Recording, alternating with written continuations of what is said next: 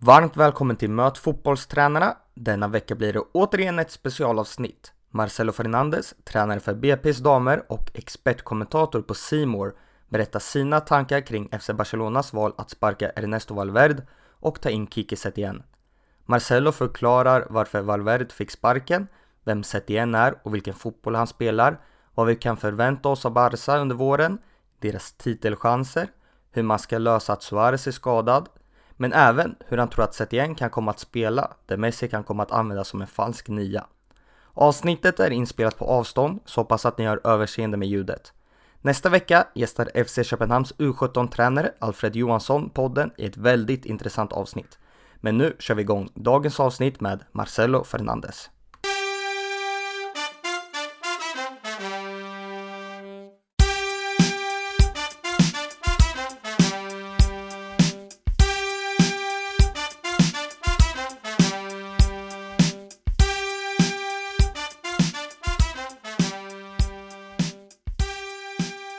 Varmt välkommen Marcelo Fernandes till Möt fotbollstränarna. Ja, men tack snälla.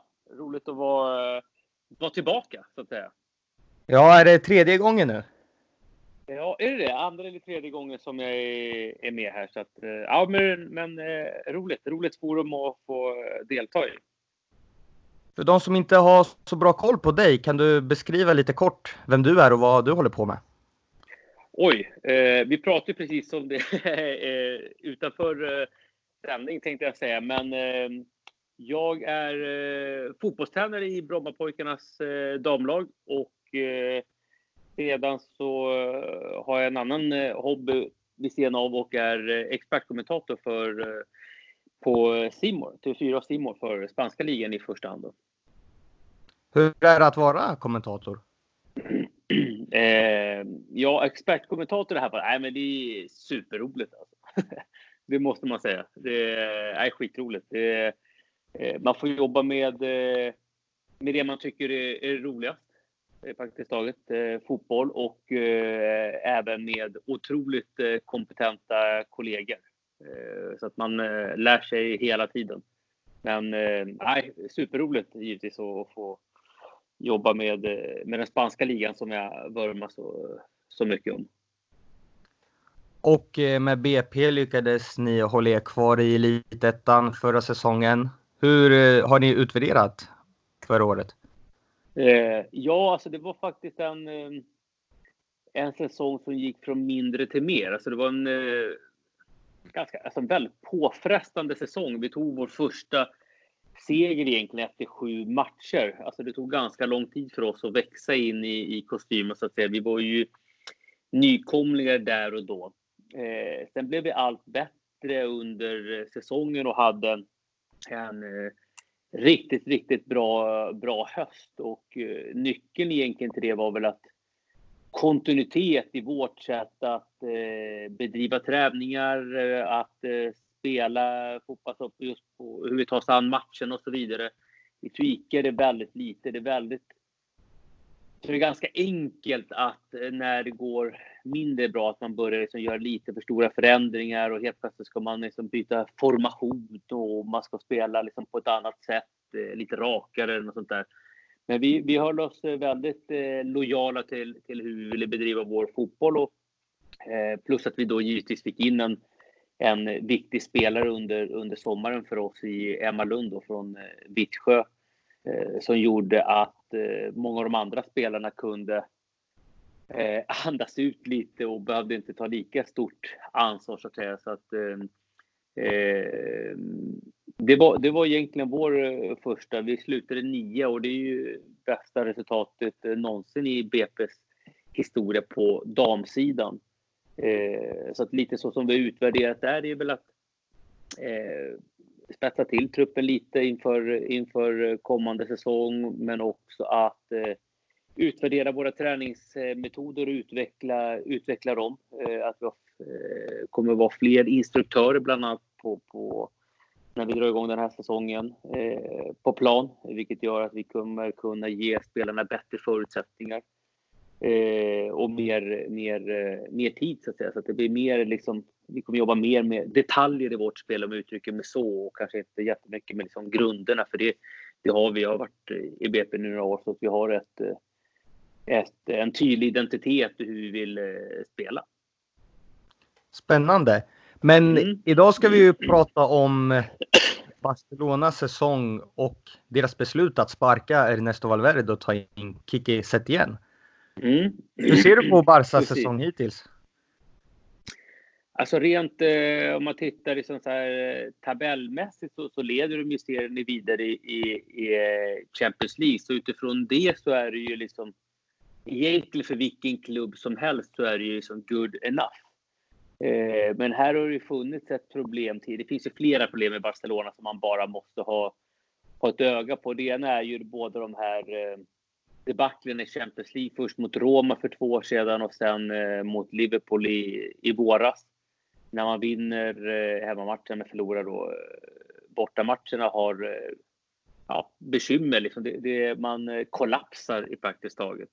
Eh, så man kan ju tycka att den här tränar, tränarbytet kanske borde ha kommit i somras. Eh, sen finns det också en, en ledning där det finns, eh, och då tänker jag på styrelsen, där det finns liksom stora frågor eh, på vad de vill och eh, de ekonomiska satsningar som de har gjort senaste åren med, eh, med, ja, med pengar från, från andra delar av världen och så vidare.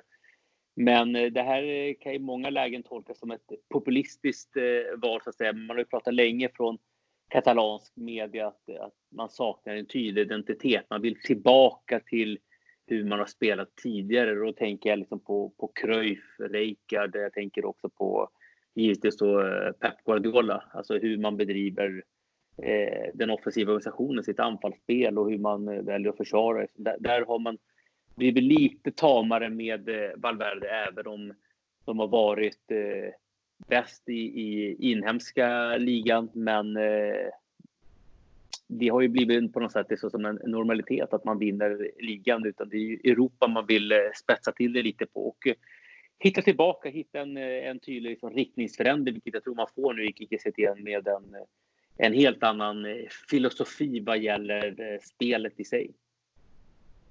Hur skulle man kunna beskriva åren med Valverde i styret? Eh, ja, alltså jag tror att många Barcelona-fans skulle ju beskriva den som eh, alltså rent eh, prestationsmässigt, eller förlåt, rent eh, som, som åskådare, liksom som, som beiga. Eh, sen att de har vunnit ligan, det har ju blivit någonstans liksom en, en, en standard att de vinner ligan så gott som varje år senaste tio åren. Liksom. Eh, det är vid några tillfällen när Atletico Madrid vid ett tillfälle och Real Madrid vid två tillfällen, om jag inte har helt fel, eh, varit upp och, eh, och eh, kammat titeln. Men eh, det krävs mer. Alltså just i Barcelona så är ju, är ju resultatet är, är ju en del, men det är också oerhört viktigt att eh, du spelar en underhållande fotboll och att du följer en, en tydlig identitet. Och då menar jag då eh, kanske mer riktad mot eh, Cruyff-stilen så att säga. För att, det, det är klart, Valverde har ju också sin identitet, men den matchar ju inte ihop med Barcelonas identitet och sätt att vilja spela fotboll eh, som, som klubben har haft under många, många år. Va? Så att det är väl där det har funnits en liten kulturkrock så att säga, just Valverde kontra Barcelonas eh, och publikens sätt att eh, vilja spela fotboll. Du var lite eh, inne på det förut om den här taggen som sitter kvar när de åkte ut mot Liverpool. Mm. Men hur, tror, hur stor betydelse har den haft i det här beslutet tror du? Ja, jag tror att det, det har väl legat i, i bakgrunden säkert och sen blev det ju debaclet då mot Atletico Madrid här i i eh, spanska supercupen blev någonstans droppen som fick eh, bägaren att eh, rinna över. Det var ju liksom på något sätt en ny påminnelse. Liksom. sen tror jag säkert att det finns ett, ett tryck någonstans liksom från personer högt uppsatta i Barcelona. Det behöver inte absolut vara, vara liksom presidenten i sig, utan det kan vara runt omkring att det behövs en, en riktningsförändring. Och eh, Abidal var ju nere i Qatar och försökte eh, övertyga Xavi om att eh, gamla eh, stormittfältaren eller lilla stormittfältaren kanske man ska säga, att eh, ta över. Men eh, han kände väl att eh, tiden inte var, var rätt för tillfället utan kanske vill ta det under en, eh, en annan ledning. Eh, det ryktas ju lite om att Laporta ska kandidera vid nästa omval för presidentposten i, Barcelona. Så att det kan vara lite sådana förändringar som är på gång också så att säga. Och nu kommer ju Kiki Setien in som senast var i Real Betis och det har ju mm. ryktats även lite om Mauricio Pochettino och några andra. Tycker du mm. att det är rätt val att ta in just Setien? Ja, alltså man får väl titta på vilka som fanns lediga, tänker jag. Alltså, eh, Pochettino har ju varit ganska tydlig, tycker jag, även om det är liksom en intressant eh, profil och, och eh, ur ett eh, som en älskare av spanska ligan, om jag uttrycker mig så, så hade jag ju tyckt att det varit superspännande att se Pochettino leda Barcelona.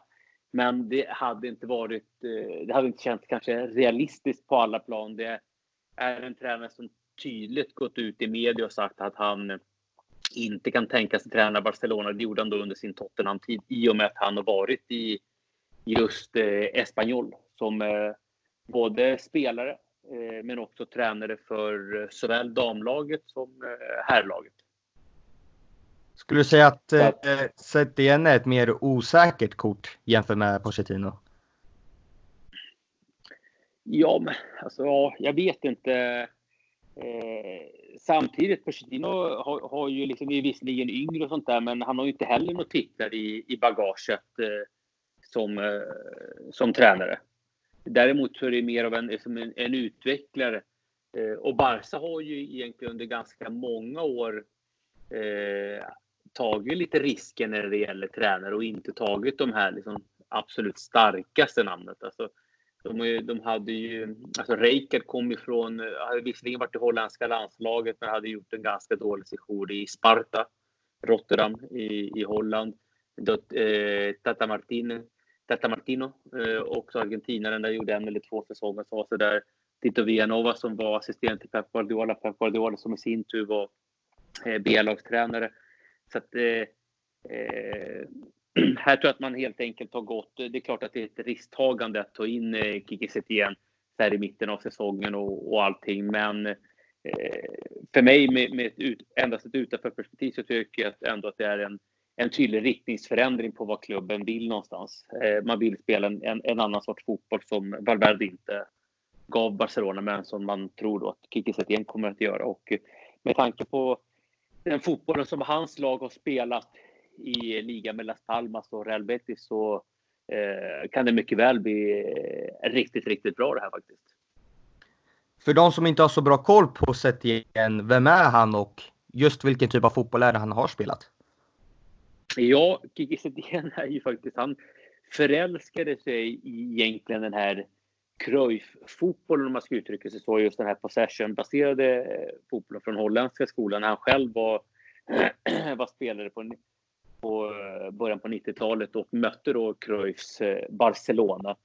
Eh, sedan har han väl i mestadels, om man tittar så här, senaste tio åren egentligen huserat eh, 2009 blev han ju tränare i Lugo i Segunda B som han då tog upp till La Segunda, alltså andra divisionen i Spanien med, med en eh, tydlig identitet. Och där var han i sex år innan han gick till eh, Las Palmas två säsonger och så ytterligare två säsonger i Real Betis. Det är ju en tränare med, med tydliga liksom, principer på hur han vill jobba med sin speluppbyggnad, eh, hur han vill jobba med sin offensiva organisation men också hur, eh, hur laget ska försvaras så att säga. Liksom. Eh, det är tydligt liksom, högt aggressivt eh, pressspel. Där blir det ju intressant att se liksom, hur får han in Messi och eh, eh Suarez i de delarna. Nu är Suarez visserligen långtidsskadad men Eh, de två spelarna har ju varit väldigt bekväma i försvarsspelet. Eh, sen om det är på instruktioner av tränaren eller att de behöver hållas fräscha i nästa skede till när de ska anfalla. Ja, det återstår att se, men, men eh, det är lite Kiki Setien. Det, eh, just i Betis så hade han ju så spelade han ju, de spelade väldigt, väldigt bra fotboll för fjol, kom sexa. Hade lite mer bekymmer, tror de kom tio förra året. Eh, när de kombinerar det med eh, Europa League-spel, vilket är inte så konstigt. Vilket i sin tur inte är så konstigt för sådana här spanska mittenlag inom citationstecken. Mm, att de får en jobbig andra säsong när de kombinerar det med eh, Europacupspel. Lite undantaget är kanske Getafe i år. Eh, men vi har sett klubbar tidigare, jag tänker både Celta Vigo, Villarreal och åka ur eh, en andra säsong när de har gjort en, en fin första säsong. Men det jag ville komma till här är att det Betis, eh, deras egentligen st största problem var ju målfabrikationen. Alltså man hade ett stort, stort bollinnehav under Kiki Setien under de två åren som han var där. Men det var just slutprodukten. Alltså, de hade Sergio León, de hade eh, Sanabria, paraguayanen. Och, som det, det, det, ville, och sen även Jesse, det ville liksom inte liksom riktigt lossna framåt. Där behöver de ju...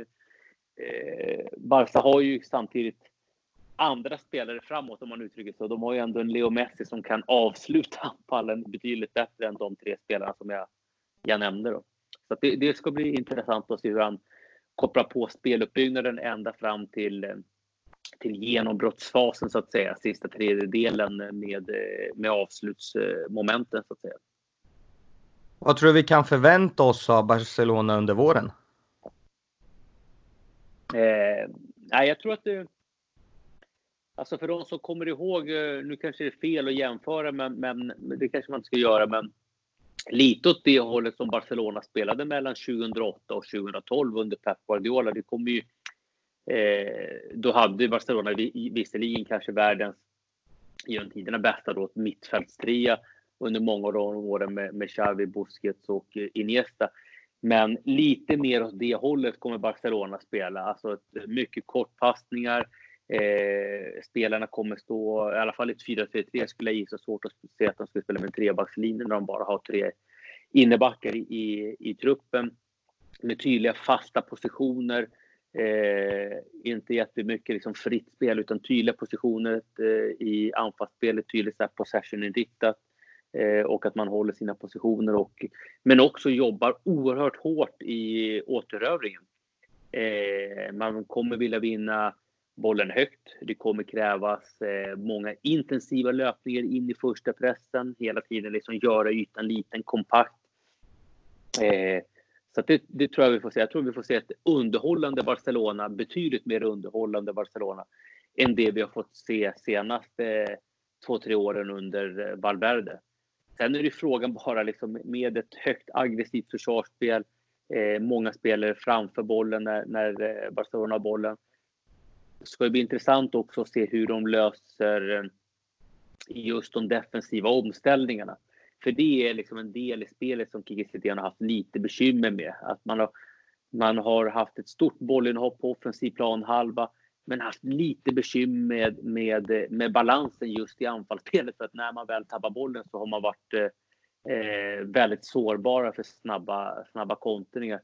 Eh, kommer bland annat ihåg eh, säsongspremiären i fjol för Real Betis när de eh, spelade hemma mot Levante och jag tror att de förlorade med 2-0, 2-1. Det är Roger Martí som gör båda målen.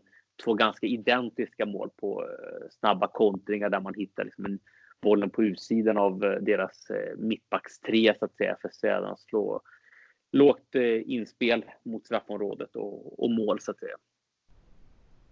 Hur tror du man löser eh, situationen med att Suarez är borta en längre tid? Kommer man spela Griezmann istället nu centralt? Ja, Griezmann eh, kräver i sin tur nästan ett helt eh, poddavsnitt liksom. för att diskutera den, den värvningen. Sen att det är en bra spelare, det är väl inte helt omöjligt. Sen att han får gå in centralt, men jag skulle inte heller bli förvånad om det är Leo Messi som får spela som falsk nia och eh, fransmannen Griezmann i det här fallet får utgå från höger istället. Eh, så att man jobbar lite mer med en droppande nia för att bilda den här eh, diamanten på, det, på, på mittfältet, ge det numerära överläge samt två yttrar som står i inre korridorer och hotar liksom i djupled in bakom snarare än att kanske håller eh, maxbredden. Då. Så att jag tror maxbredden i yttre kurvor kanske i första hand kommer gå till, till ytterbackarna, Jordi Alba, Semedo eller Sergio Roberto i det här fallet. Så, att, eh, eh så tror jag att eh, Barcelona kommer att eh, spela. Sen eh, gäller det också för Kiki att få ut det bästa av en sån spelare som eh, Sergio Busquets som ändå har varit lite ifrågasatt tycker jag ändå under, eh, under hösten och kanske inte varit eh, sitt eh, absoluta bästa jag. Så att honom behöver de skruva igång. Eh, sen blir det intressant att se vad, vad han tillsammans med Artur och eh, Frenkie de Jong kan göra. Eh, där finns det ju en potential, enorm potential i det tremanna eh, mittfältet. Eh, men även att se vad händer med spelare som Ivan Rakitic, men också Arturo Vidal som jag tycker har nu är jag visserligen lite färgad i det här med, med Vidal, men han erbjuder ju Barcelona eh, just djupledslöpningarna från straffområdet och en närvaro in i straffområdet och ett oerhört bra pressspel. Så att, eh, ja, det blir intressant att se lite hur han väljer att formera och vilka roller han väljer att ge spelarna, men också vilka utgångspositioner de får i, i såväl anfall som eh, försvarsspelet. Vad tror du om deras titelchanser här under våren? Ja, jag tror att... Ja, det, alltså, fan, den, är, den är svår alltså, att, att, svara på för den frågan. För jag tycker Real Madrid, de ser solida ut. Alltså Madrid, Real Madrid ser stundtals ut som ett, ett, eh, ett, ett riktigt, riktigt... Eh, alltså ser ut som ett mästarlag, tycker jag. Liksom. Jag tycker bara att matchen på Nou Camp när, när de mötte Barcelona, som jag själv gjorde på plats, eh, så var de liksom ja, de förtjänade att vinna tycker jag. De var bättre än Barcelona. Eh, så att det beror på hur snabbt eh, spelarna i Barca liksom anammar eh, Kiki Setiens idéer och hur snabbt han får effekt av sina idéer. Och att han får spelarna på, på sin, eh, sin sida. Eh, sen är det givetvis ett, ett bekymmer för Barca att de har, eh, att de har eh, eh, Luis Suarez skadad fram till april. Alltså det är ju ett eh, jätteavbräck. Sen har Kiki Setien pratat visserligen med Pimenta som är Barcelona B-tränare så att säga och eh, det är väl inte omöjligt att vi får se liksom eh, Barcelona B-spelare från La Masia som, som får eh, kliva upp så att säga och eh, ta plats i, i, eh, i truppen så att säga, i matchtrupperna. Men titelchanserna, ja svårt alltså. Det, ligan kanske de kniper eh, och kanske någon, någon eh, titel till. Sen Champions League, där... Eh, eh, ja, den, den, den är svårare. Det är många lag som är starkare där ute. Många lag som är, är, är, starka. Och då tänker jag på Real Madrid och, och Liverpool kanske som, eh, som ser eh, ruggigt stark ut, måste jag säga. Tror du Setien är en tränare som kan bli kvar i Barca under en längre period eller är det nu att de bara väntar in att Xavi ska komma om ett eller två år? Ja, men alltså det beror ju på. Han har ju skrivit på ett tvåårskontrakt nu. Han har ju avtal över två och en halv säsonger. Sen beror det lite på, tror jag, att det, det Givetvis är det avhängt på resultat och, eh, och vilken sorts fotboll de kommer att spela. Sen kommer det nog inte spela roll om de spelar jättebra fotboll men inte vinner titlar. Utan eh, de två grejerna kommer behöva gå i hand i hand. Eh, men sen beror det nog till stora delar om, ponera om vi pratar långvarig, liksom att han kanske blir kvar 5-6 år.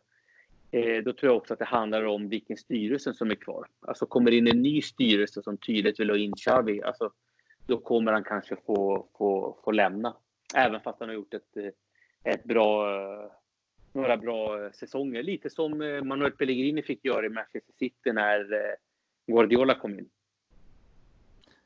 När avsnittet släpps på söndag spelar de hemma 21.00 mm. mot Granada. Vad tror vi kan förvänta oss för matchbild?